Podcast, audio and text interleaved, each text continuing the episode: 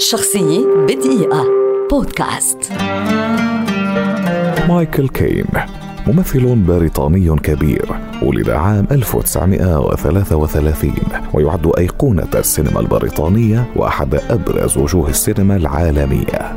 عمل في بداية حياته لفترة وجيزة ككاتب ملفات وساع لشركة أفلام ومنتج أفلام أيضا قبل أن يجد طريقه إلى الشاشة ويحقق نجاحا باهرا في ستينيات القرن العشرين من خلال أدوار البطولة التي لعبها في أفلام بريطانية نذكر منها زولو وألفي الذي رشح عنه لنيل جائزة أوسكار وذا إيطاليان جوب. خلال السبعينيات حقق كين نجاحات كبيرة أيضا في أفلام عديدة مثل Sleuth الذي حصل من خلاله على ترشيحه الثاني لجائزة الأوسكار و The Man Who Would Be King لكنه حقق بعضا من أعظم نجاحاته المصيرية في الثمانينيات في فيلم Educating Rita وحصل على جائزة بافتا و Golden Globe لأفضل ممثل عن ذلك الدور. وفي عام 1986 حصل على جائزة الأوسكار لأفضل ممثل مساعد عن أدائه في الفيلم الذي أخرجه وودي Hannah and Her Sisters حقق كين انتشارا عالميا هائلا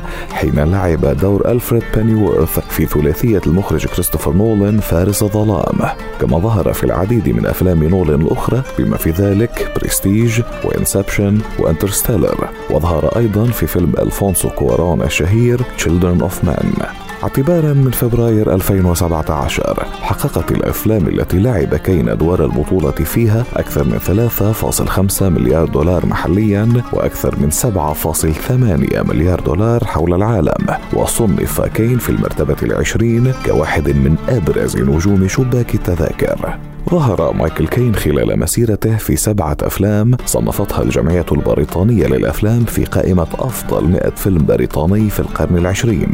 وفي عام 2000 حصل كين على زمالة بافتا ومنحته الملكة إليزابيث الثانية لقب فارس لمساهماته العظيمة في السينما. في أواخر عام 2023 في عمر التسعين عاما أعلن السير مايكل كين اعتزاله التمثيل بشكل نهائي بعد مسيرة سينمائية حافلة استمرت حوالي سبعين عاما. شخصية بدقيقة.